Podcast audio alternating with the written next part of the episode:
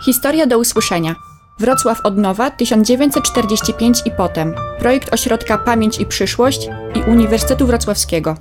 Dzień dobry. Jest mi bardzo miło powitać wszystkich słuchaczy w podcaście Historia do usłyszenia Wrocław od nowa 1945 i potem. Projekt ten organizowany jest wspólnie przez Ośrodek Pamięć i Przyszłość oraz studentów historii w przestrzeni publicznej. Ja nazywam się Klaudiusz Bogumił, a moim gościem jest dr Agata Gabiś, doktor historyk sztuki z Instytutu Historii Uniwersytetu Wrocławskiego. W tym odcinku porozmawiamy przede wszystkim o różnych aspektach architektury mieszkaniowej w powojennym Wrocławiu.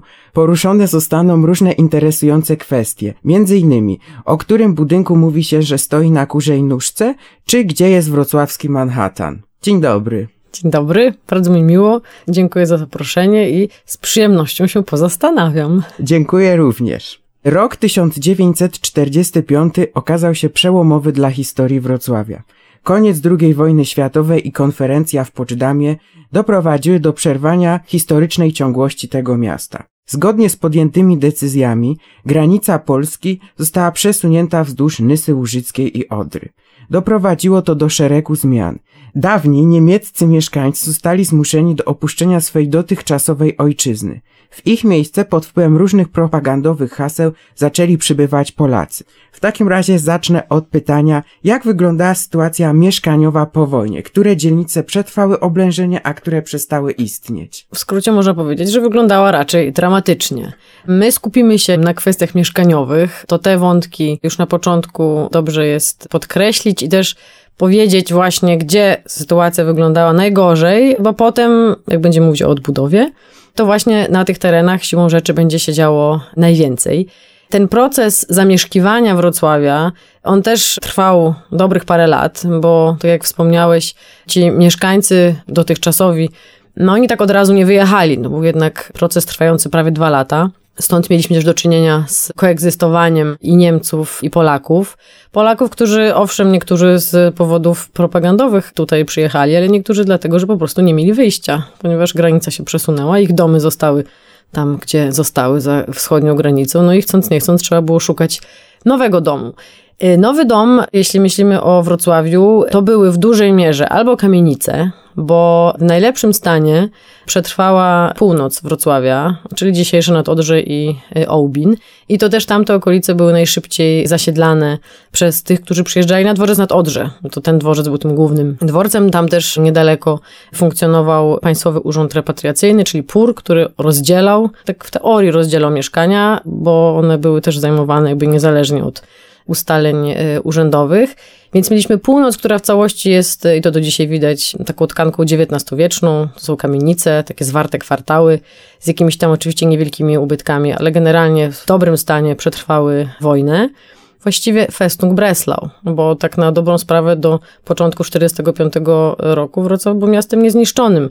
I stało zarówno południe, luksusowe kamienice i później część willowa. Stał cały zachód, czyli Legnicka, dzisiejsze jej okolice, też taka zwarta XIX-wieczna zabudowa. Stare miasto, no ale decyzja o tym, żeby Wrocław stał się twierdzą, była decyzją która miała skutki no, dalekosiężne także właśnie w tym, jak miasto dotrwało do końca tego oblężenia i no, w maju 1945 roku, tym, którzy zaczęli przyjeżdżać do Wrocławia, ukazało się miasto częściowo właściwie składające się tylko z gruzów, ruin, ciągle jeszcze płonące, pożary się zresztą powtarzały.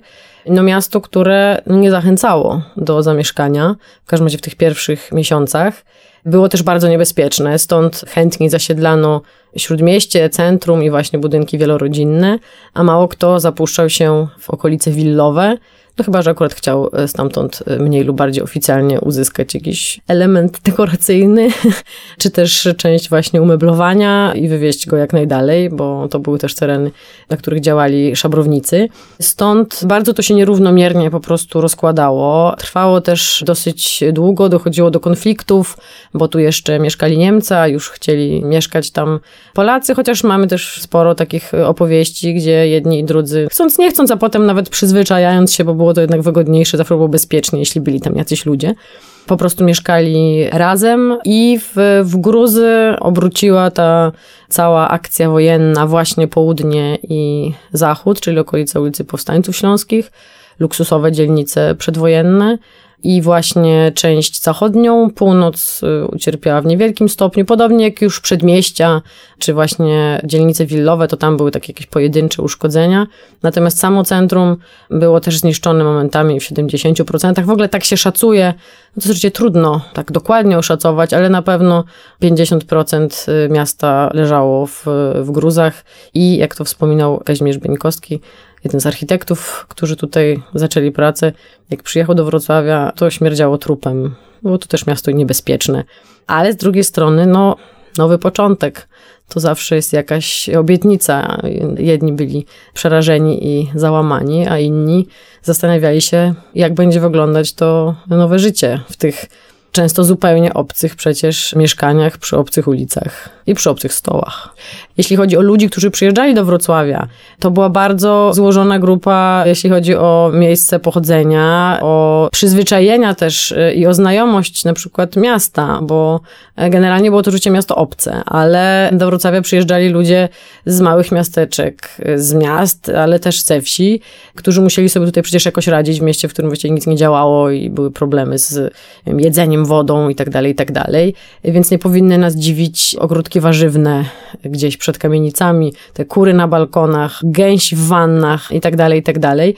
To przejście, które no, trwało co najmniej dwa lata, z miasta niemieckiego w miasto polskie, no tak prowizorycznie polskie, bo jednak ta przestrzeń przez następnych parę dekad była nadal przestrzenią obcą i nie do końca oswojoną. To wszystko trwało, trzeba sobie jakoś zorganizować codzienność, a ona była po prostu ekstremalnie trudna. Różne były przyzwyczajenia, przyjeżdżali też ludzie na trochę, trochę, żeby właśnie poszabrować i wyjechać, zobaczyć jak jest.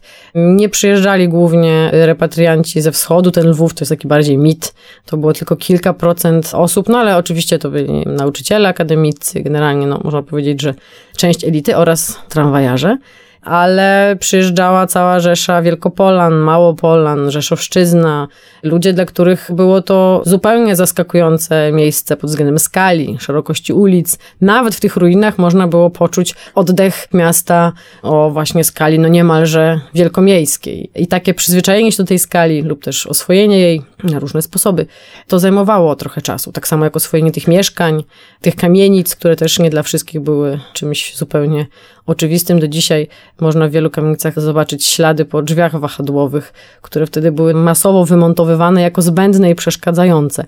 A potem mieszkańcy narzekali, że zimno. Nikt nie pomyślał o tym, że dwie pary drzwi są po coś, a nie tylko po to, żeby przeszkadzały. To są oczywiście anegdotki, ale to trochę pokazuje trudne przyzwyczajanie się i oswajanie tych przestrzeni. Wspominała Pani o dzielnicach willowych, biskupin, Zalesie, Zacisze, Karłowice. To przez kogo one były y, zasiedlane? Przez...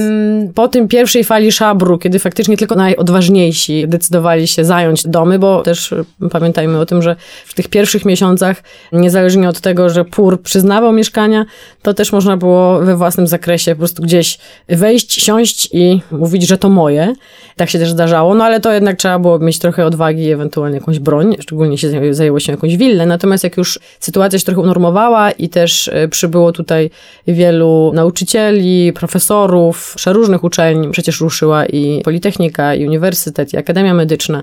Stąd pojawili się też urzędnicy, no bo im sprawniej działa miasto, tym więcej więcej tego typu kadry tutaj po prostu musi być i mieszkać, to właśnie dla nich były przeznaczane nie w całości, bo to też trzeba pamiętać o tym, że raczej skład społeczny był generalnie dosyć przemieszany, natomiast ci, którzy przyjechali najwcześniej, no to zostali już w tych kamienicach, ci, którzy przyjechali trochę później, ewentualnie no trzeba było im zapewnić trochę lepsze warunki bytowe, no bo to był argument, dlaczego ten profesor miałby tu pracować. Z jakiego powodu on miał opuścić Kraków czy Poznań i przyjechać do Wrocławia, skoro raczej tu jest tak wszystko dosyć pionierskie i te warunki pracy są raczej trudne, no to dostanie pan pół willi, niewielki domek, czy to będzie Oporów, czy to będą Karłowice, to tam chętnie właśnie y, zamieszkiwali nauczyciele, pisarze, jeśli ktoś sobie weźmie taką niedużą książeczkę Anny Kowalskiej, pod tytułem Uliczka Klasztorna, to tam może sobie poczytać o tych pierwszych latach właśnie jak się mieszkało na Karłowicach, jak tam próbowali wiązać koniec z końcem literaci, profesorowie, urzędnicy, ale też co bardziej e, przedsiębiorczy, po prostu młodzi ludzie, którzy no tu po wojnie znaleźli swoje e, miejsce. Pierwsze powojenne lata to przede wszystkim czas odgruzowywania i porządkowania przestrzeni miejskiej. Dopiero po kilku latach rozpoczęto realizować większe inwestycje. Były to przede wszystkim wszelkiego rodzaju naprawy i odbudowy ważnych dla historii Wrocławia miejsc. Jednym z takich przykładów może być Ostrów Tumski, obszar, który dla ówczesnych mieszkańców wydawał się niezwykle ważny, gdyż kojarzył się z piastowskim rodowodem, który często był wykorzystywany do propagandowych akcji. Jakie inne reprezentacyjne miejsca ważne dla historii Wrocławia zostały odbudowywane, a do których miejsc przede wszystkim ludzie się zaczęli wprowadzać? To jest w ogóle taka ciekawa i złożona historia o tym, jak władza odgórnie próbowała wymyślić jakiś powód, dlaczego my tu jesteśmy. I ten powód z tą właśnie narracją o piastowskich korzeniach był jednym z tych najczęściej przywoływanych. Razem z politykami, o tym samym mówili przecież też różni y, urzędnicy kościelni, bo tutaj przecież mówisz o Ostrowie Tumskim, no to może nie mieszkaniówka, ale na pewno ważny znak taki w przestrzeni, że oto dźwigamy katedrę. No i katedrę finansowała strona państwowa, bo miała w tym właśnie interes, ale to były też lata, kiedy właśnie Kościół z państwem, wiemy później absolutnie się zwalczające dwie strony, wtedy ze sobą współpracowały. No to też jest charakterystyczne dla tych pierwszych lat powojennych, kiedy też jeszcze no, ustrój polityczny nie był tak utrwalony i też te działania były często lokalne i właśnie jakby odpowiadały na lokalne potrzeby. Ta opowieść o Wrocławiu, który ma korzenie dawne, dawne, jak najdawniejsze i że byliśmy tutaj, że kamienie mówią po polsku, ona no z dzisiejszej perspektywy oczywiście może nam się wydawać trochę naiwna, no taka mocno propagandowa i oczywiście no wiemy, że nie do końca miała aż takie mocne umocowanie w historii, no ale wyobraźmy sobie tę sytuację tych ludzi, którzy przyjeżdżają do tego miasta, którego nie znają, którego nie lubią, ale z którego właściwie no, nie mają dokąd się udać. Trzeba wymyślić jakiś powód, dla którego my tutaj jesteśmy, dla którego mamy tutaj zostać. Więc najpierw opowiada się o tym, jak to już tu kiedyś byliśmy, jesteśmy, będziemy. I w to ktoś musi uwierzyć, nawet jeśli nie wierzy, no to zawsze się czuje trochę raźniej zapewne, jak sobie tak to teraz wyobrażam. Ale no trzeba było też stworzyć miejsca, które, czy też odtworzyć, które będą takie trochę bliższe życiu. No bo wiadomo, katedra, fantastyczny obiekt architektoniczny, naprawdę wielkie przedsięwzięcie. Ta odbudowa wydawała się trochę niemożliwa, bo jednak był to obiekt w dużej mierze mocno bardzo zniszczony. No ale to jest bardziej symbol, no tak się używa raczej od święta katedry. Y, stąd bardzo szybko zdecydowano o tym, że odbudować należy rynek i plac solny, serce Starego Miasta.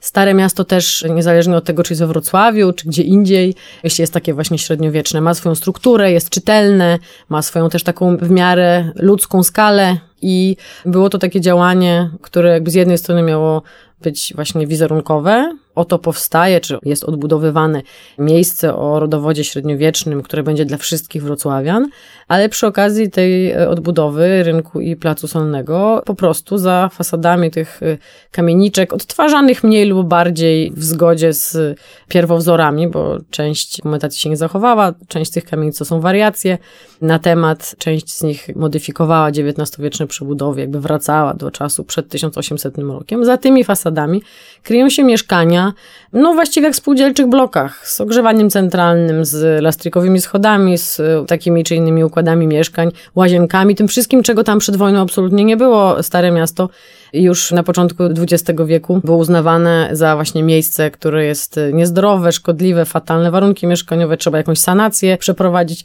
Sanacja przeprowadziła się w 1945 roku i to zostało jakby wykorzystane, żeby podwórka były podwórkami zielonymi, placami zabaw, tam są przecież garaże, jest przedszkole, szkoła. To oczywiście nie było wyjątkowe, tak robiono wszędzie w tym czasie w Polsce, nie tylko zresztą w Polsce.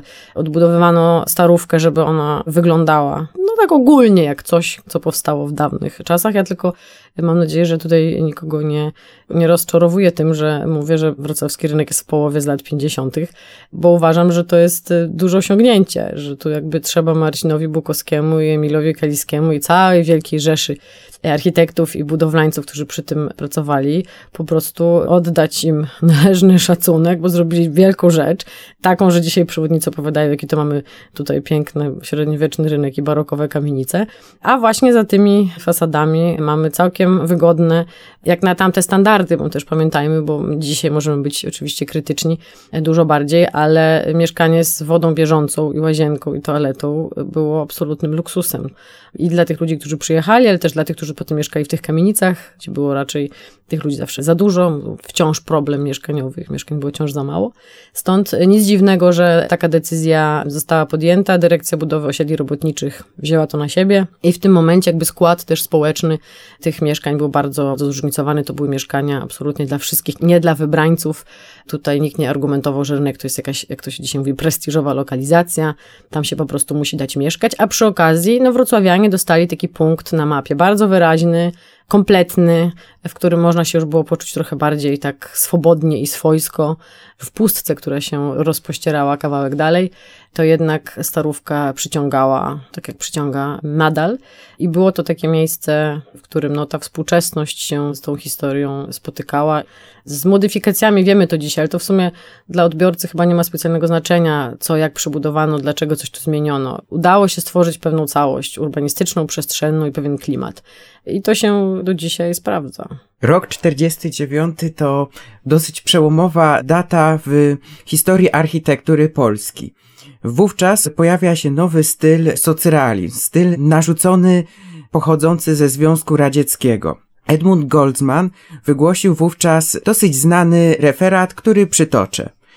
Nowy okres historyczny, budownictwo zrębów socjalizmu, dalsze zaostrzenie walki klasowej. Stawia przed nami nowe zadania, również w zakresie twórczości architektonicznej, polityczne i gospodarcze umocnienie państwa ludowego, rozszerzania bazy i zakresu działania gospodarki planowej, stały wzrost dobrobytu mas pracujących i co za tym idzie, dalszy wzrost ich potrzeb życiowych, materialnych, a zwłaszcza duchowych, wreszcie wielka ofensywa ideologiczna naszej partii, rozwijająca się się coraz bardziej walka o socjalistyczną przebudowę świadomości ludzi. Wszystko to wymaga nowej postawy i zmiany kierunku naszej architektury. Czy ten socrealizm, nowy styl w jakiś sposób pojawił się we Wrocławiu? Jak on się przejawiał? Jak to wyglądało? W ogóle ta data 49 rok to jest też data, która jest uznawana też za datę, która no łączy się z ustabilizowaniem jedynego słusznego ustroju w Polsce i też struktury partyjne były już te dużo mocniejsze i stąd władza zaczęła się interesować już nie tymi podstawowymi problemami, tylko właśnie artystami, architektami, poetami, bo te wytyczne dotyczyły właściwie wszystkich gałęzi sztuki. Do 49 roku atmosfera była jeszcze raczej luźna i swobodna. We Wrocławiu także, mimo że się mało budowało, to przecież to jest czas wystawy ziem odzyskanych, gdzie wszystkie możliwe prądy artystyczne, łącznie z tymi ultranowoczesnymi się pojawiły. Tyle tylko, że z braku środków za wiele nie udało się zrealizować, ale no, architekci mieli sporo swobody. W 1949 się ona w dużej mierze skończyła. To się też wiązało z centralizacją biur projektowych. Znowu wszystkie decyzje były podejmowane w Warszawie, czy to dotyczące projektu, czy to dotyczące materiałów budowlanych, jakie mają być użyte. I we Wrocławiu, jako że miało trochę szczęścia, miało trochę pecha. Właściwie to jest taki motyw, który się tu przez te kolejne dekady przewija dlatego że był miastem daleko od Warszawy. I tak fizycznie, ale też tak trochę mentalnie. Był miastem, którego losy wciąż były niepewne. No bo tak przy tej granicy, a właściwie wróci do tych Niemiec, nie wróci. I ta atmosfera tymczasowości z jednej strony była bardzo szkodliwa tutaj lokalnie, bo nie podejmowano właśnie wielu decyzji, czekano. Warszawa nie przyznawała środków, tylko minimum było tutaj robione ale z drugiej strony też nikt się specjalnie tak nie interesował, tylko przy kolejnych okazjach i obchodach powrotu ziem zachodnich i północnych do macierzy, wtedy sobie o Wrocławiu przypominano. I tutaj pozwolę sobie przytoczyć ulubione moje określenie pana profesora Grzegorza Straucholda, który nazwał Wrocław okazjonalną stolicą Polski. Bo tak co pięć lat albo Bierut, albo potem Gomułka przyjeżdżał i opowiadał, jakie to jest ważne miasto, potem wyjeżdżał i wszystko było właściwie po staremu. I trochę tak też było z tym socjalizmem, bo oczywiście w Warszawie przygotowano cały program, były wytyczne, Chociaż te wytyczne były właśnie bardziej tak, jak tutaj Goldsamt opowiada, takie trochę życzeniowo-teoretyczne, bo konkretów to tak za bardzo nikt nie przedstawił. No bo narodowa w formie socjalistyczna w treści, no to zaczęła się od razu dyskusja, to co to za narodowa. I w samej Warszawie dywagowali nad tym, czy to bardziej będzie klasycyzm, czy może się trzeba odwoływać do baroku, a czy może do renesansu, ale z kolei to przecież też są formy, które nam się kojarzą z, nie wiem, takim czy innym monarchą. No ryzykowna była ta sprawa, stąd socrealizm nie miał jednej, jednej stylistyki obowiązującej. Generalnie oczywiście odwoływano się tutaj do różnych, różnego typu form historycznych z takim czy innym powodzeniem.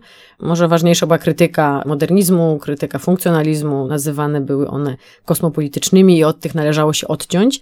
I architekci z mniejszym, większym przekonaniem się odcinali, no chcąc po prostu pracować, albo byli tacy, którzy po prostu rezygnowali z pracy, rysowali coś do szuflady, albo szli pracować do jakichś zakładów przemysłowych. Wszystko działo się to, co najważniejsze i najtrudniejsze w Warszawie. We Wrocławiu, jako że pieniędzy nie było na nic, dopiero w 1952 roku zdecydowano o tym oficjalnie na właśnie szczeblu centralnym, że już odbudujemy ten Wrocław, że będziemy to odbudowywać to tak na dobrą sprawę powolutku sobie ta odbudowa się toczyła. Remontowano po prostu to, co wyremontować się dało. Trochę się rozsypało niestety po drodze z pomocą mniejszą lub większą ekip, które wywoziły potem te cegły w kierunki przeróżne tego kraju. To jest właśnie też ten moment i to się właściwie dobrze złożyło, bo rynek i plac solny były odbudowane właśnie już na początku lat 50., stąd ile z nich socjalizmu możemy dyskutować. Generalnie były odbudowane w czasie, kiedy architektura historyczna była najistotniejszym punktem odniesienia, no ale też oczywiście Jan Zachwatowicz ze Starym Miastem Warszawskim na czele, więc to też nas nie powinno dziwić, w tym kontekście można to rozpatrywać. Co do nowych pomysłów inwestycji, ich trochę było. Były też oczywiście konkursy na pałace kultury i w ogóle wielkie place defilat, ale nikt na to w ogóle nie miał ani pieniędzy, ani pomysłu, ani nie przeszło nikomu przez myśl, że to można będzie zrealizować. Realizowano kameralne uzupełnienia, plomby różnego typu i to oczywiście znowu najważniejsze były mieszkania. Czyli jeśli mamy na coś pieniądze w tym czasie, to budujemy mieszkania plus Politechnika Wrocławska zbudowała dwa gmachy, ale to też już było po 52 roku, więc ta taka największa fala socjalizmu była już za Wrocławiem. Jak mielibyśmy dzisiaj wymienić realizację taką kompletną z tego czasu właśnie mieszkalną, no to oczywiście Kościuszkowska dzielnica mieszkaniowa, czyli KDM, Plac Kościuszki i okolice, Roman Tunikowski z zespołem, zrobili rzecz y, właściwie z jednej strony bardzo kameralną, bardzo klasyczną, dopasowaną do tej urbanistyki zastałej, czyli nie mają tutaj do czynienia z takim socjalizmem, którego może byśmy się spodziewali w Moskwie albo przy Placu Konstytucji w Warszawie. To nie są monumentalne gmachy, one nie są bardzo reprezentacyjne, one nie przytłaczają przechodnia ani mieszkańca, wręcz są czymś tam tak naturalnym i tak dopasowanym do kilku budynków przedwojennych, które się ostały przy placu i których nikt nie wyburzał. To jest też taki motyw wrocławski, że nawet jak coś stało na drodze, albo był świetny plan na jakąś przestrzeń i na właśnie nowe osiedle albo nowy budynek, to jeśli stała tam kamienica, tak zwana zdrowa, lub też inną, być budynek użyteczności publicznej. To wszystko remontowano. Nie pozwalano sobie na takie ekscesy, na wyburzenia z powodów właśnie ideologicznych albo z powodów estetycznych. Absolutnie takie rzeczy się nie wydarzały. Architekci czasem cierpieli, że przecież miał być taki piękny widok, a tu stoi nam jakieś kamienica albo trzy. Trudno, panowie, mamy tu zdrowe izby, trzeba to jakoś wkomponować albo zostawić. Kiedyś się może rozsypie jak na placu PKWN dzisiaj Legionów, a tymczasem kamienice są odremontowane i dalej sobie stoją na placu i właściwie nie wiadomo, co tam robią. Stoją, bo można w nich mieszkać do dzisiaj. W każdym razie Plac Kościuszki jest właśnie takim przykładem socjalizmu, no bo w tym czasie powstał. Chociaż wnętrza kawiarni i wszystkich lokali usługowych były kończone już po 50, e, większość w każdym razie była po 56 roku, więc trochę było tam już takiej nowoczesności. Ale repertuar form jest absolutnie klasyczny, proporcje, wysokie dachy, wysokie kominy, może bardziej francuskie nawet niż radzieckie, nawet na pewno. na tyle dobrze funkcjonuje i na tyle się wpisa już tkankę miasta, że mi się już parę razy zdarzyło, pytając kogoś o plac Kościuszki, słyszeć, no tak, tak, to takie po niemieckie. Czyli znaczy się, że jest to stary Wrocław. No bo faktycznie ma już swoje lata, skoro rozpoczęcie budowy to był rok 54, więc ma już swoje lata. I oprócz tego pojedyncze w kilku miejscach uzupełnienia zabudowy, jeśli chodzi o mieszkaniówkę.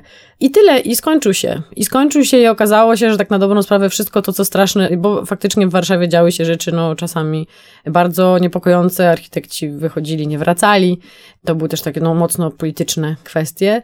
To we Wrocławiu, jak to ktoś stwierdził, właściwie studentów architektury, że oni sobie żyli pod takim kloszem, że tam czasem musieli sobie coś zaprojektować, jakąś kolumnę, ale umówmy się, w kolumnie nie ma nic złego, a student architektury również powinien umieć kolumnę narysować, szczególnie, że prowadzący te zajęcia to częściowo byli profesorowie jeszcze przecież przedwojenni, więc oni chętnie też wykorzystywali różne takie rozwiązania klasycyzujące czy klasyczne. Stąd studenci, owszem, projektowali takie rzeczy, projektowali też bardzo różne inne. Klimat na uczelni był no, nieporównywalny z tym terrorem takim intelektualnym, jaki był w Warszawie. Więc udało się uzupełnić miasto w sposób bardzo taki kulturalny, z wyczuciem kontekstu w kilku miejscach. To jest też pierwszy chyba dom wybudowany od podstaw, czyli plomba, prawie naprzeciwko dworca głównego Witolda Skowronka. I kilka takich miejsc, które po prostu w dyskretny sposób uzupełniły luki. I plac właśnie Kościuszki, który jest dokładnie po obrysie placu wytyczonego przez Francuzów na początku XIX wieku, no tylko wiadomo, w centrum placu znajduje się co innego niż y, wtedy, bo nie jest to już generał Tałęcin.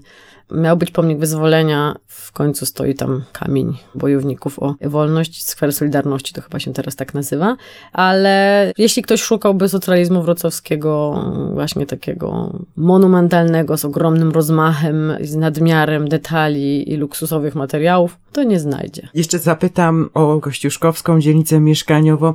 Dla kogo były przeznaczone te mieszkania? Jak miały wyglądać lokale usługowe? Jaką funkcję pełnił plac Kościuszki?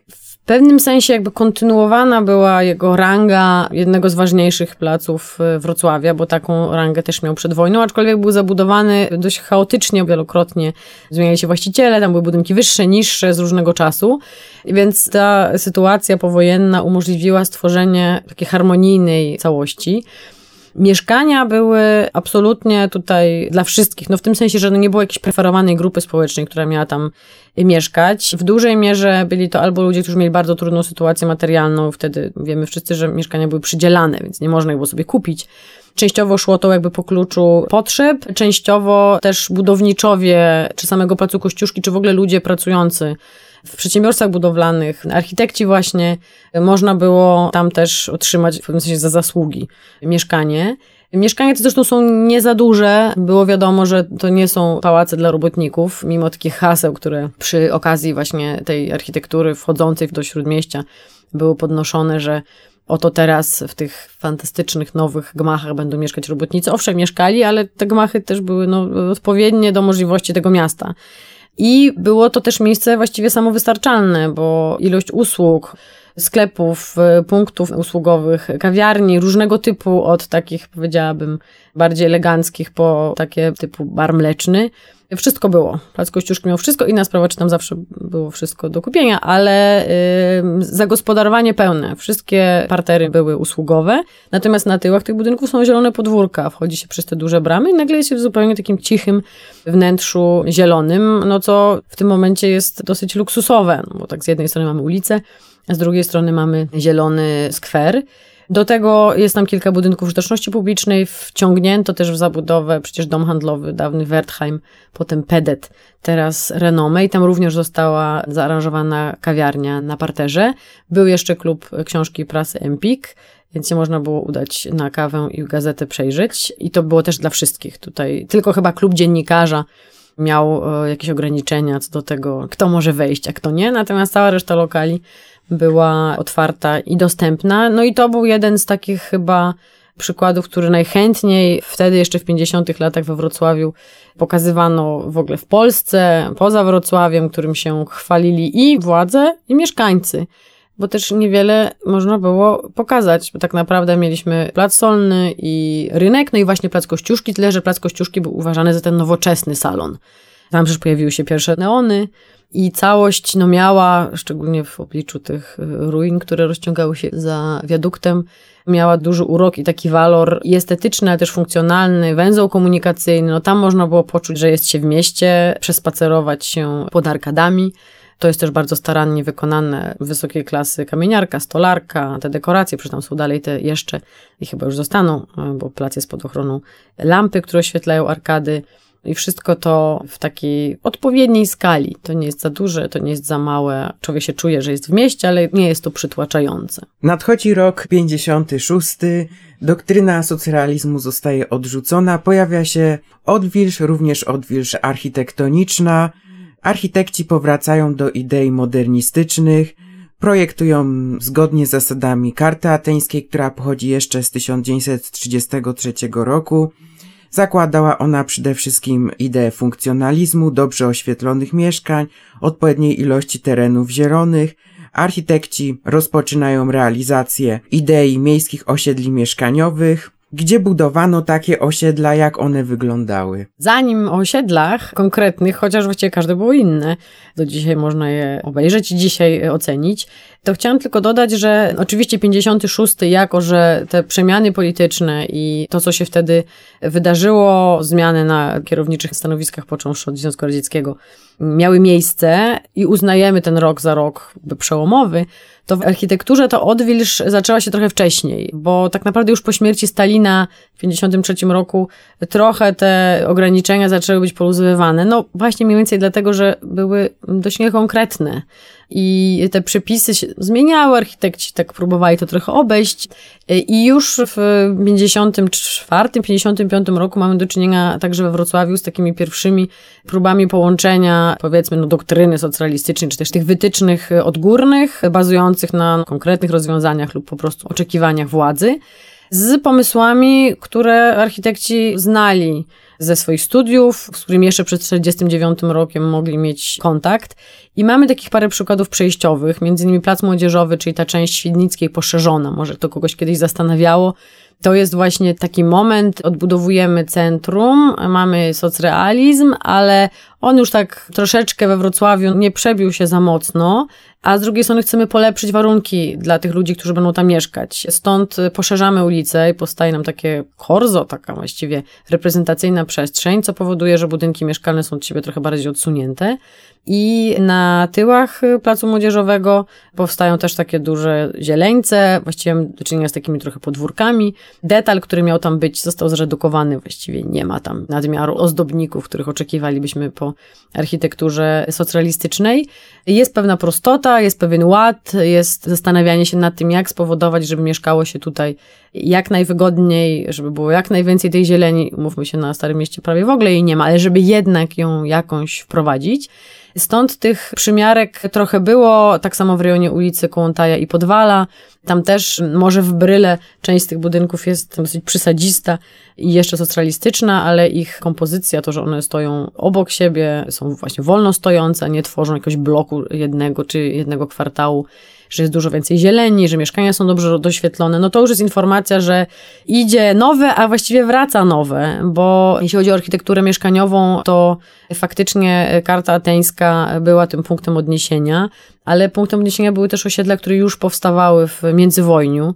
No w Warszawie było to bardziej czytelne, bo w Warszawie ci architekci, którzy Warszawę właśnie budowali, tą taką nową, funkcjonalistyczną, Warszawę też w dużej mierze, która miała być dla ludzi mieszkających w najgorszych warunkach mieszkaniowych. Oni ją budowali też po 45. We Wrocławiu nie było takiej kontynuacji personalnej, natomiast no myśl owszem, zresztą młodzi ludzie wykształceni tutaj na naszym Wydziale Architektury przez kadrę przedwojenną, no znali znali to wszystko i chcieli zacząć tak projektować. Stąd karta ateńska to jest jedno, natomiast też oczywiście warunki, możliwości i konieczność często przystosowania się do jakiegoś kontekstu, czy do tego, co jest wokół, to też miało często wpływ.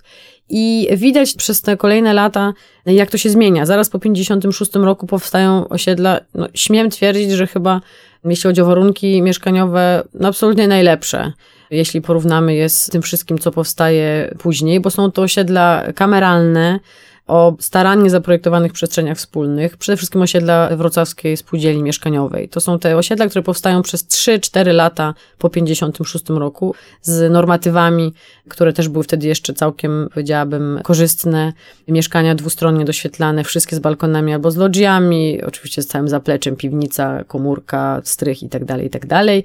Tereny zielone, dobra komunikacja z sąsiedztwem, bo też są to osiedla, które były właściwie uzupełnieniami w starej tkance. Od 56 roku przez następne kilkanaście lat Wrocław się nie rozbudowywał, tylko zapełniał przestrzenie, które istniały, które przed wojną były uzbrojone, na których stały inne budynki.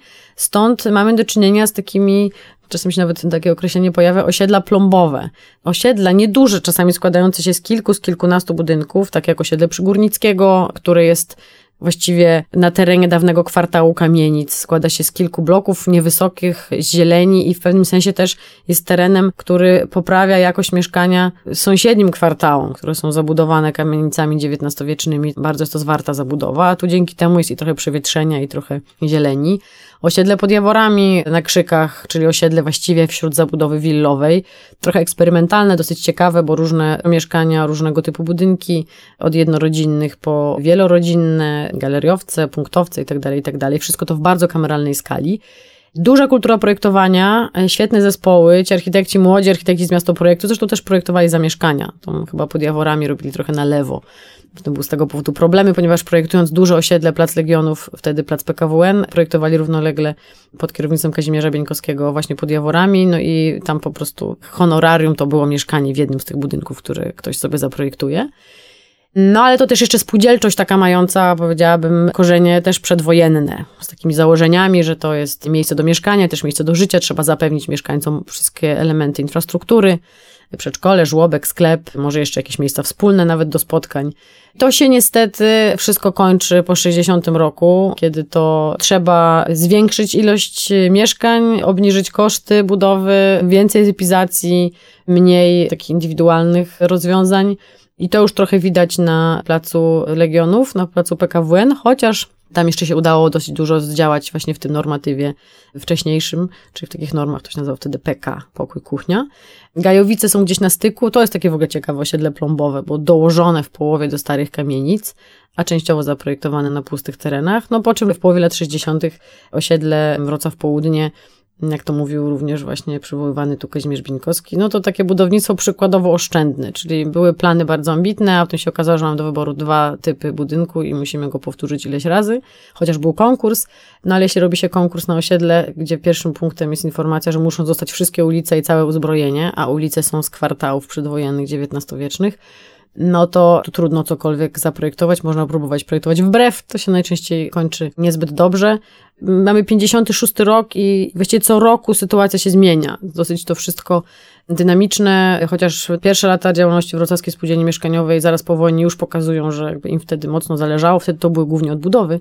A potem po 56 roku, jako że ruch spółdzielczy był przez Władysława Gomułkę chętnie wspierany, no bo po prostu mogli mu trochę uratować honoru, czy też po prostu z jego obietnic mogło coś wyniknąć, no bo po prostu radzili sobie sami, budowali właściwie mieszkania i domy, osiedla sami. Bardzo dobry pomysł, bardzo sprawnie działający przez parę lat, a potem też niestety scentralizowany i gdzieś ta idea spółdzielczości takiej przedwojennej trochę chyba uciekła, została zapomniana, ale no gdyby ktoś szukał mieszkania w budynkach powojennych, zawsze szczerze polecam właśnie te osiedla zaraz po 56 roku. Świetne rozkłady, doświetlenie, wbudowane meble, no czegoż chcieć więcej i teren zielony za oknem, czegoż chcieć więcej. No ale to tak naprawdę tylko kilka lat swobody, a później coraz więcej ograniczeń i to nie tylko w normatywach, ale właśnie też w materiałach, których można używać albo które w ogóle są dostępne.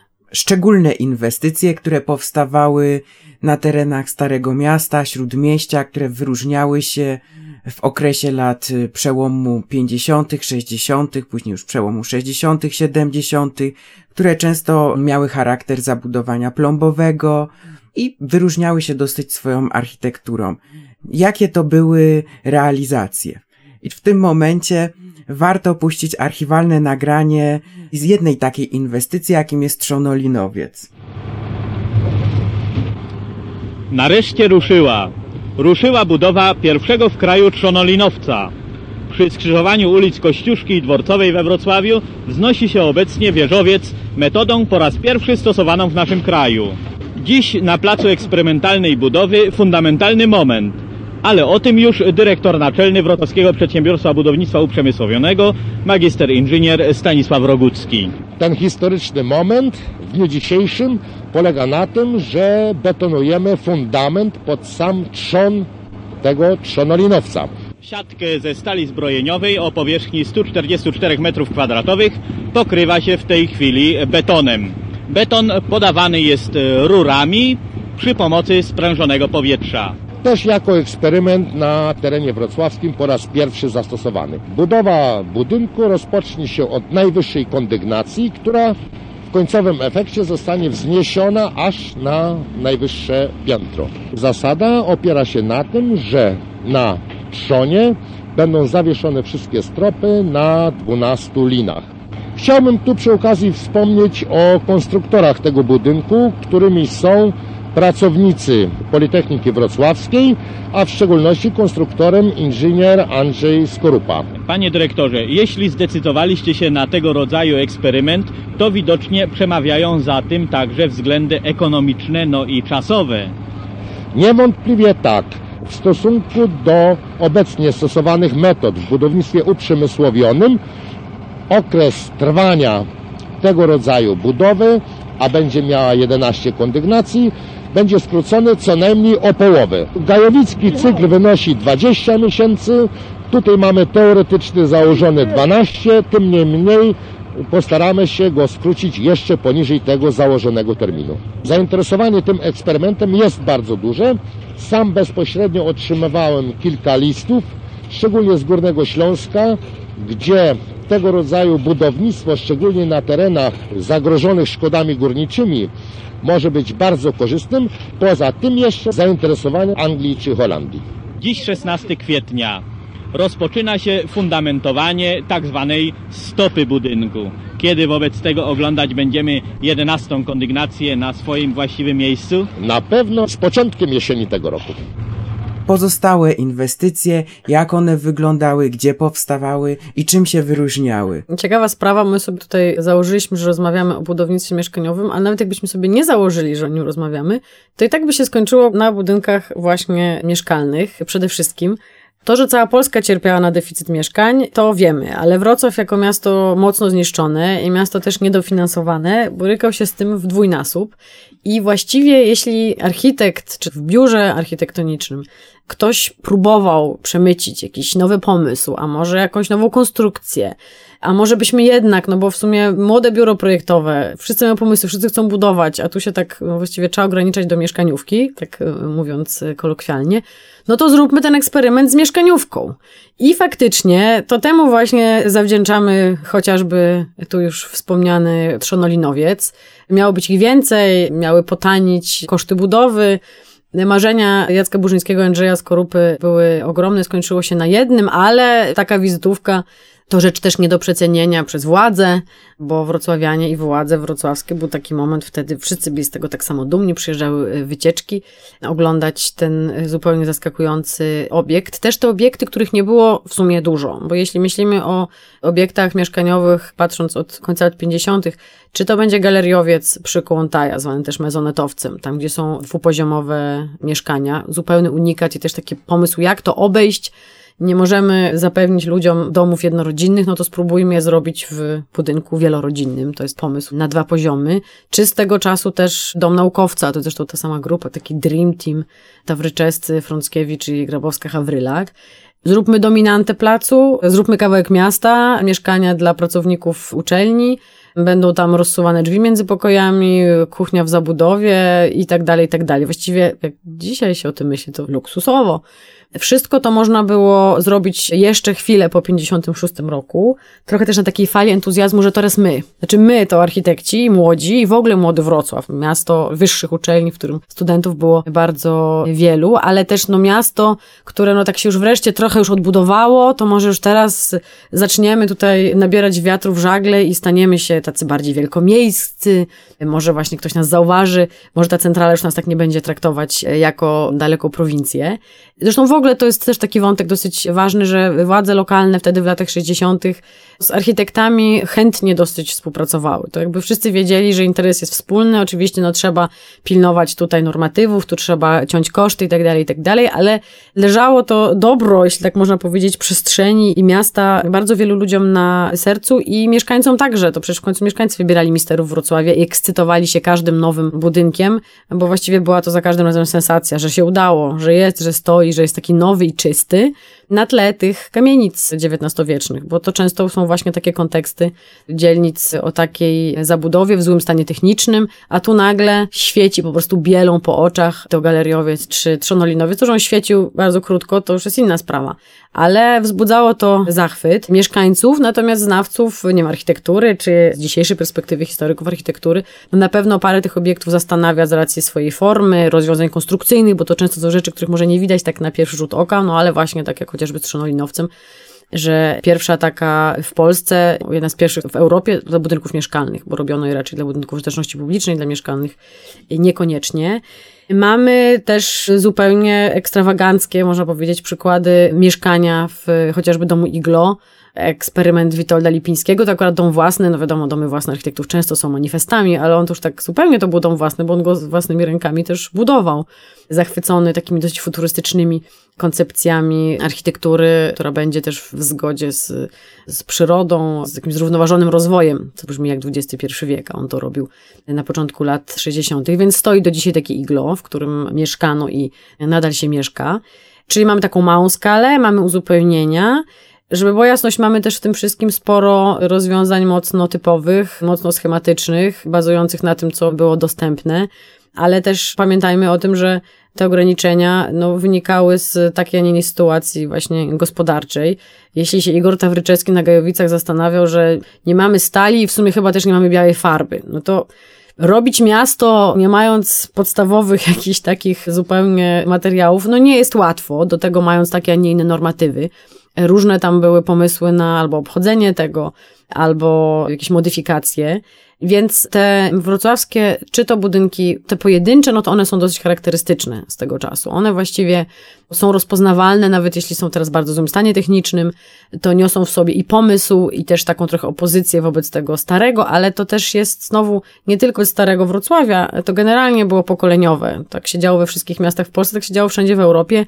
XIX wiek nie był jakoś specjalnie uwielbiany, a tutaj jeszcze szczególnie no, chcieliśmy coś naszego dołożyć. To takie budynki szczególnie były efektowne i widoczne. I jeśli sobie myślę o dekadzie lat 60. i o tych osiedlach, które nawet jeśli musiały operować coraz bardziej w latach 60. już jakimś wzorcem takim typowym, jakimś schematem, to mają one w sobie też zawsze jakiś element indywidualny. Nie da się ich ze sobą pomylić. No, że Wrocław Południe, znowu tutaj przywoływany, jest tym takim najtrudniejszym momentem w tej połowie lat 60., ale jak się porówna to, co tam teraz powstaje dookoła, to właściwie jest całkiem takie swojskie kameralne osiedle. I jeśli chodzi o osiedla, to do 70 roku to jest jeszcze Szczepin Witolda Jerzego Molickiego, czyli Wrocław Zachód, wybudowany wzdłuż ulic brukowanych przedwojennego Szczepina, z którego zostały jakieś pojedyncze zupełnie budynki. Tam z większym po prostu respektowaniem tego układu takiego kratownicowego, tego rastra, i ono jakby do dzisiaj działa i ma się świetnie. Natomiast najbardziej niewątpliwie takim oryginalnym przykładem, ale też takim najważniejszym chyba dla Wrocławia, że był taki moment, że udało się zrobić coś, co było absolutnie niemożliwe i nieprawdopodobne i nie powinno się udać. Jest na pewno zespół mieszkaniowo-usługowy przy Placu Grunwaldzkim projektu Jadwigi Grabowskiej-Hawrylak, czyli Manhattan. Manhattan, tak zwany wrocławski Manhattan. Miejsce, które było projektowane od połowy lat pierwszej, 63 bodajże, natomiast realizacja ruszyła dopiero pod koniec lat 60. Niezwykle ważna przestrzeń, bo Plac Grunwaldzki, który nie jest placem, tylko po prostu wielką, szeroką arterią, a powstał dlatego, że jeszcze w czasie Festung Breslau zdecydowano tam zrobić lotnisko, stąd były tam duże wyburzenia i była to taka pustka, która no miała w sobie ogromny potencjał i kusiła i architektów, i władze. Przez dobrych pierwszych parę lat funkcjonował tam wielki Szaberplatz. To Manhattan właśnie miał być tym elementem, który wytycza pewien kierunek, który pokazuje, że Wrocław nie jest miastem prowincjonalnym, że już się odbudował, że ma swoją siłę i że ma też świadomość skali swojej urbanistycznej, że to są przecież wysokie wieże kościołów, że to przecież jest całkiem niedaleko hala ludowa wtedy Maxa Berga, że to są różne działania Hansa Pelciga, czyli tak jakby cała historia, która stoi za Wrocławiem, e, za jego architekturą i za tą przestrzenią, powinna też stać za tym, co my tutaj zrobimy na tej długiej, aczkolwiek może niezbyt szerokiej działce od mostu do centrum samego placu. Przymiarek było tam kilka, zanim zresztą Jadwiga Garbowska-Hawrylak się tym zajęła, to projektował tam Tadeusz Brzoza, a w ogóle przedtem jeszcze to miał tam właśnie powstać ten wielki plac defilat z pałacem, nie wiemy czy kultury, czy nauki, ale w każdym razie z czymś takim. Czyli niezwykle ważna przestrzeń, która chyba właściwie głównie dzięki determinacji pani architekt powstała w formie owszem troszkę zredukowanej, ale nie tak jak gdzieś tam po drodze mogło to wyglądać. Zaskakujący obiekt, właściwie cały zespół składający się z wysokich budynków mieszkalnych, 16-kondygnacyjnych z takimi nadbudówkami, plus całe zaplecze usługowo-handlowe, plus jeszcze platforma, dzięki której wyniesiono ruch pieszy ponad ruch samochodowy, więc jakby samochody jadą sobie niżej ulicą, a piesi przechadzają się po platformie. Trochę miasto w mieście, ale też oczywiście taka przestrzeń przejściowa, no bo przemieszczamy się w kierunku centrum lub też w kierunku terenów zielonych już za Placem Grunwaldzkim. Sama architektka twierdzi, że to było na przekór prymatowi kąta prostego, na przekór typowym osiedlom, które trochę podpinano pod kartę ateńską, ale właściwie tylko po to, żeby uprościć sobie projektowanie i rozrzucić gdzieś w pustych przestrzeniach prostopadłościany. Ona wymyśliła ten prefabrykat, taki zakrzywiony, bardzo plastyczny, który właściwie zdefiniował tą całość i spowodował, że ilość interpretacji mnoży się wciąż i wciąż, począwszy od legend miejskich, kto to zbudował dla kogo i że to miało stać w Indiach albo w Iraku. Nie, nie miało. Okna nie miały być okrągłe i tak dalej, i tak dalej. Ale jest to miejsce, którego nie sposób minąć obojętnie które jakby nie patrzeć, niezależnie od tego może, czy ktoś jest wielbicielem takiej czy innej architektury, to ma ono skalę wielkomiejską, to ma ono tą skalę, która podciąga Plac Grunwaldzki bliżej centrum i jest to zrobione też z pełną świadomością tego, że ta część kontynuuje przecież część Ostrowa Tumskiego, co zresztą dobrze widać od strony centrum, jak przechodzi ta, to stare w to nowe. Więc obiekt, który był kończony już na początku lat 70., po dużych przestojach, po tym jak Edward Gierek powiedział, nie, nie, no ja to widziałem w Paryżu na wystawie, podobno tak powiedział, to trzeba skończyć. No więc się udało, udało się skończyć. Jadwiga Gabrowska-Frlak dostała za ten zespół nagrodę sarposką konkretnie za to, też było dosyć wyjątkowe, była pierwszą kobietą nagrodzoną przez SARP i pierwszą osobą nagrodzoną za jedno dokonanie, więc to robiło wrażenie nie tylko we Wrocławiu, nie tylko w Polsce, ale też w Europie.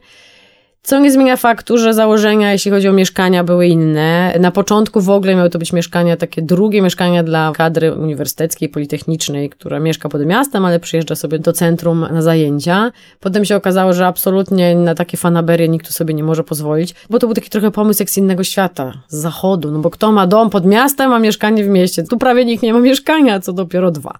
Więc trzeba było przeprojektować. Ona najpierw oczywiście zrobiła te mieszkania trochę większe, potem je trzeba było robić już jeszcze mniejsze, ale jest tam, i to dla wszystkich, którzy się zastanawiają, jak wyremontować swoje mieszkanie na Manhattanie, jest tam taki zabieg zastosowany, że właściwie tylko mury obwodowe są na stałe i częściowo te związane z instalacjami, bo tam są przecież windy.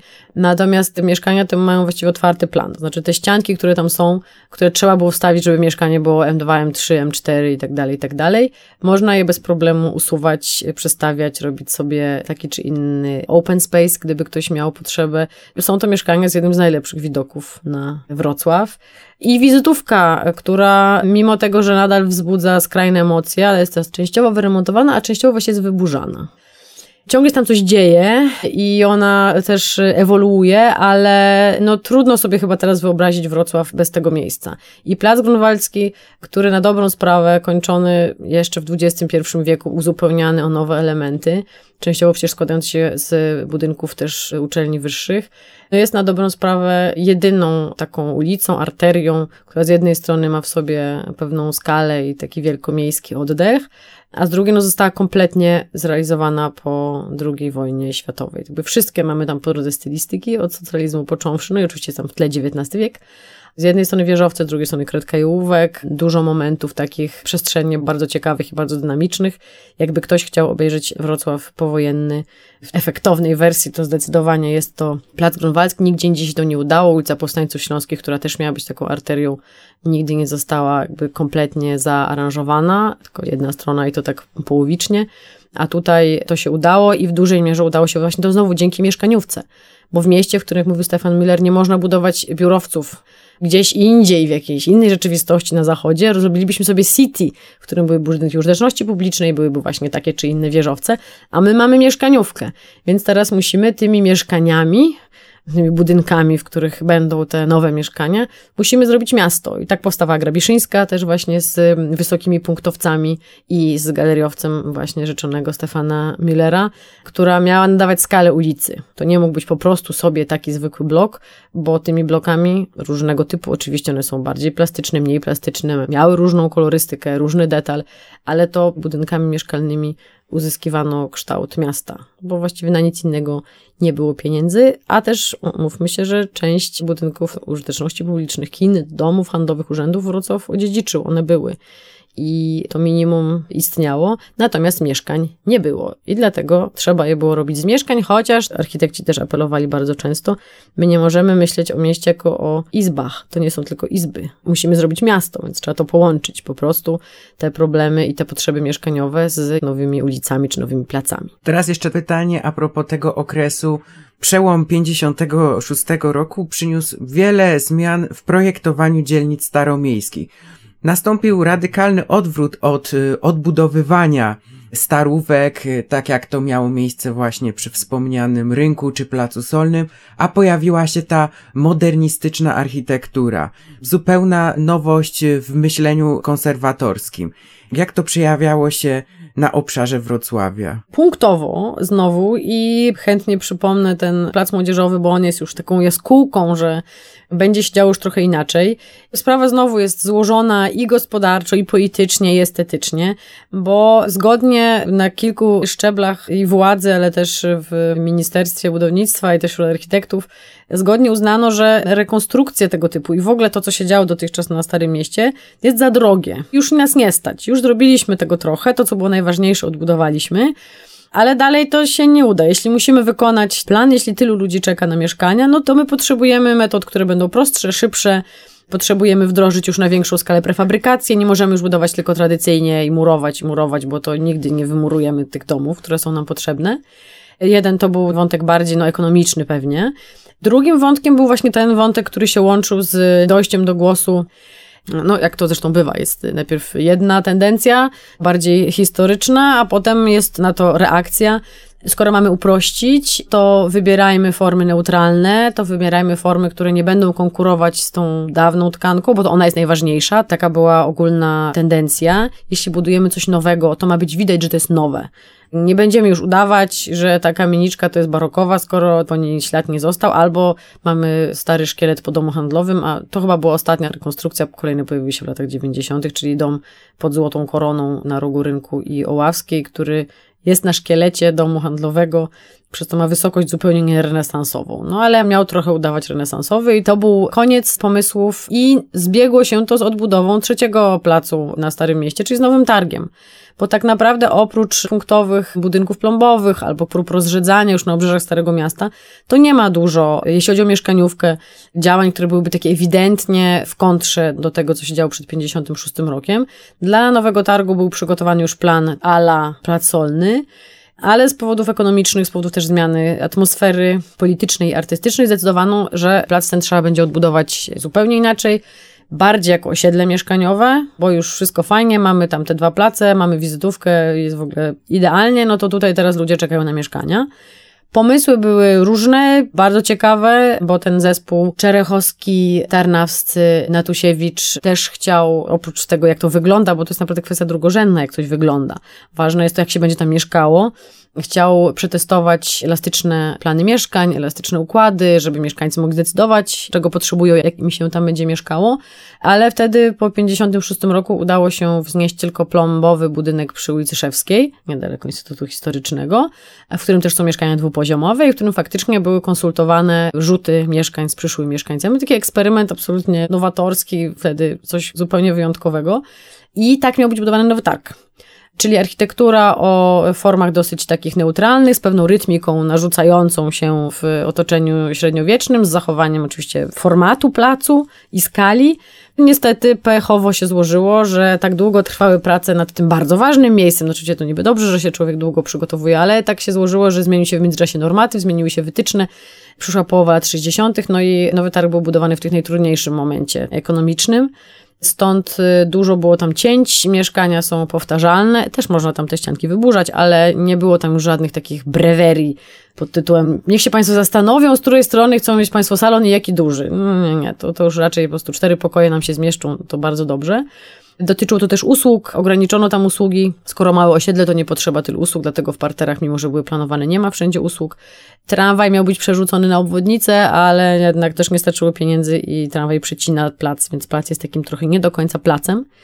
Tutaj, jak w soczewce, widać z jednej strony pomysły, z drugiej strony rzeczywistość zweryfikowała te ambitne plany. Dobrze się tam mieszka, bo dalej jest to osiedle, które ma na tyłach dużo zieleni, ma też przedszkole, szkołę, żłobek, wszystko przecież tam jest, bo tak było projektowane. Można sobie mieszkanie przearanżować, zresztą już nie mieszka tam raczej po pięć osób w jednym mieszkaniu, tak jak na początku, ale no jest to taka przestrzeń niezdefiniowana do końca. Inna sprawa, że był to zawsze ten najgorszy, ten trzeci plac i on tak pozostał tym trzecim placem. To pewne rzeczy się nie zmieniają, nawet jeśli architektura się zmienia i skład społeczny i w ogóle wszystko się zmienia, to to zostaje. Ale po kulturalnym remoncie, który tam miał miejsce w jednej części, w drugiej części jest w ogóle niekulturalny, widać, że jest to architektura neutralna, tak zwana architektura tła, ze spadzistymi dachami, z rytmem kominów, architektura, która nikomu właściwie nie powinna przeszkadzać bo nie przysłania nam żadnych ważnych obiektów, e, prowadzi nas na Ostrów Tumski. I tak można by to interpretować, natomiast faktycznie plany były dużo bardziej ambitne. Tam miał być jeszcze punktowiec, w ogóle to miał być taki deptak, więc wtedy być może nowy targ miałby w sobie więcej życia i energii, a tak jest takim troszkę zapleczem, a trochę właśnie osiedlem bardziej niż placem staromiejskim. Lata 70. to okres wielu zmian w historii Polski. Pierwszym sekretarzem zostaje Edward Gierek i pojawia się masowe budownictwo, pojawia się wiele nowych osiedli, natomiast lata 80. to już okres, gdzie prywatni inwestorzy mogli realizować swoje różne wizje jak wygląda ta perspektywa lat 70., 80. w architekturze mieszkaniowej Wrocławia? Krótko się nie da, więc ja tylko pozwolę sobie może zrobić taką klamrę, bo w pewnym sensie ona się nawet narzuca, gdyż lata 70. to jest rozwój miasta na obrzeża, to są ogromne zespoły mieszkaniowe, wielkie osiedla. Taka była specyfika tego czasu, chociaż pojawiają się tam wtedy już próby powrotu do może ulicy, żeby to nie były tak anonimowe miejsca. We Wrocławiu oczywiście możemy tu wymienić z początku lat 70. Popowice, potem Nowy Dwór, Gondów, Gaj, a między Nowym Dworem a Gondowem kameralne Kuźniki, zupełnie wyjątkowe osiedle z przełomu lat 70. i 80., dlatego że ta cezura nie jest tutaj tak wyraźna. Politycznie oczywiście jest, natomiast to, co zaczęto budować w latach 70., często było kontynuowane jeszcze w latach 80. ogólnie, no trochę było tutaj zastoju inwestycyjnego i to wszystko trwało. To jest też nowe pokolenie architektów, którzy chcą czegoś innego, którzy szukają innych rozwiązań, innych pomysłów na miasto w opozycji do tego pokolenia poprzedniego, ale też no znowu w nowych warunkach ekonomicznych i politycznych.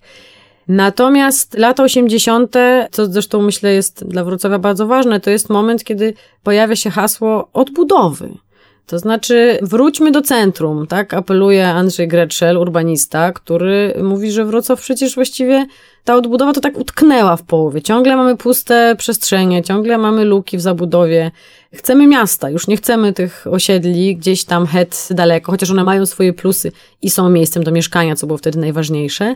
Ale skoro już zrobiliśmy tyle tego typu osiedli, a centrum czeka, to wróćmy właśnie do centrum i połowa lat 80. to jest taki zupełnie wyjątkowy ruch, który nabiera rumieńców i jeszcze dzieje się to wszystko w latach 90., czyli plombowanie śródmieścia, laboratorium tego plombowania to są huby wrocławskie, ale to też oczywiście nad Odrze, Obin, okolice ulicy Trauguta, trochę taka mała IBA, taka międzynarodowa wystawa, która miała miejsce w Berlinie, to we Wrocławiu też próbowano zszyć śródmieście, które w międzyczasie zaczęło się rozpadać, trochę było zaniedbane, a trochę właśnie częściowo nieodbudowane. I ta tęsknota za miastem jest tutaj bardzo wyraźna, ona chociażby też poskutkowała pomysłem na to, żeby wokół Poltegoru wyrosły nowoczesne kamienice. To jest też czas, kiedy wracają spółdzielnie mieszkaniowe. Małe, niezależne, oddolne spółdzielnie mieszkaniowe, bo to one mają siłę i też potrzebę, żeby w tym mieście zadziałać.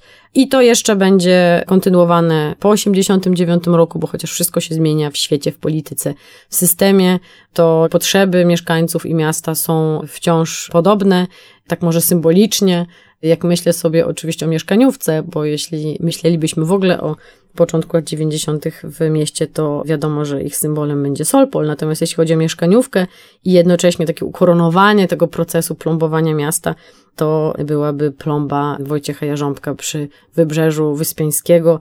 Ta feria barw nowoczesnej secesji z lat 90. wkomponowanej w kwartał XIX-wieczny, zapowiadająca nowe otwarcie energetyczne, pełne kolorów i przyszłość pełną obietnic, które czy się spełniły, to już możemy ocenić sami i wszyscy mieszkańcy Wrocławia też mogą ocenić to sami. Bardzo serdecznie dziękuję pani dr Gabi za niezwykle interesującą rozmowę. Wszystkich słuchaczy chciałbym bardzo serdecznie zaprosić do wysłuchania kolejnych podcastów z cyklu Historia do usłyszenia Wrocław od nowa 1945 i potem. Dziękujemy. Dziękuję. Historia do usłyszenia. Wrocław od nowa 1945 i potem. Projekt Ośrodka Pamięć i Przyszłość i Uniwersytetu Wrocławskiego.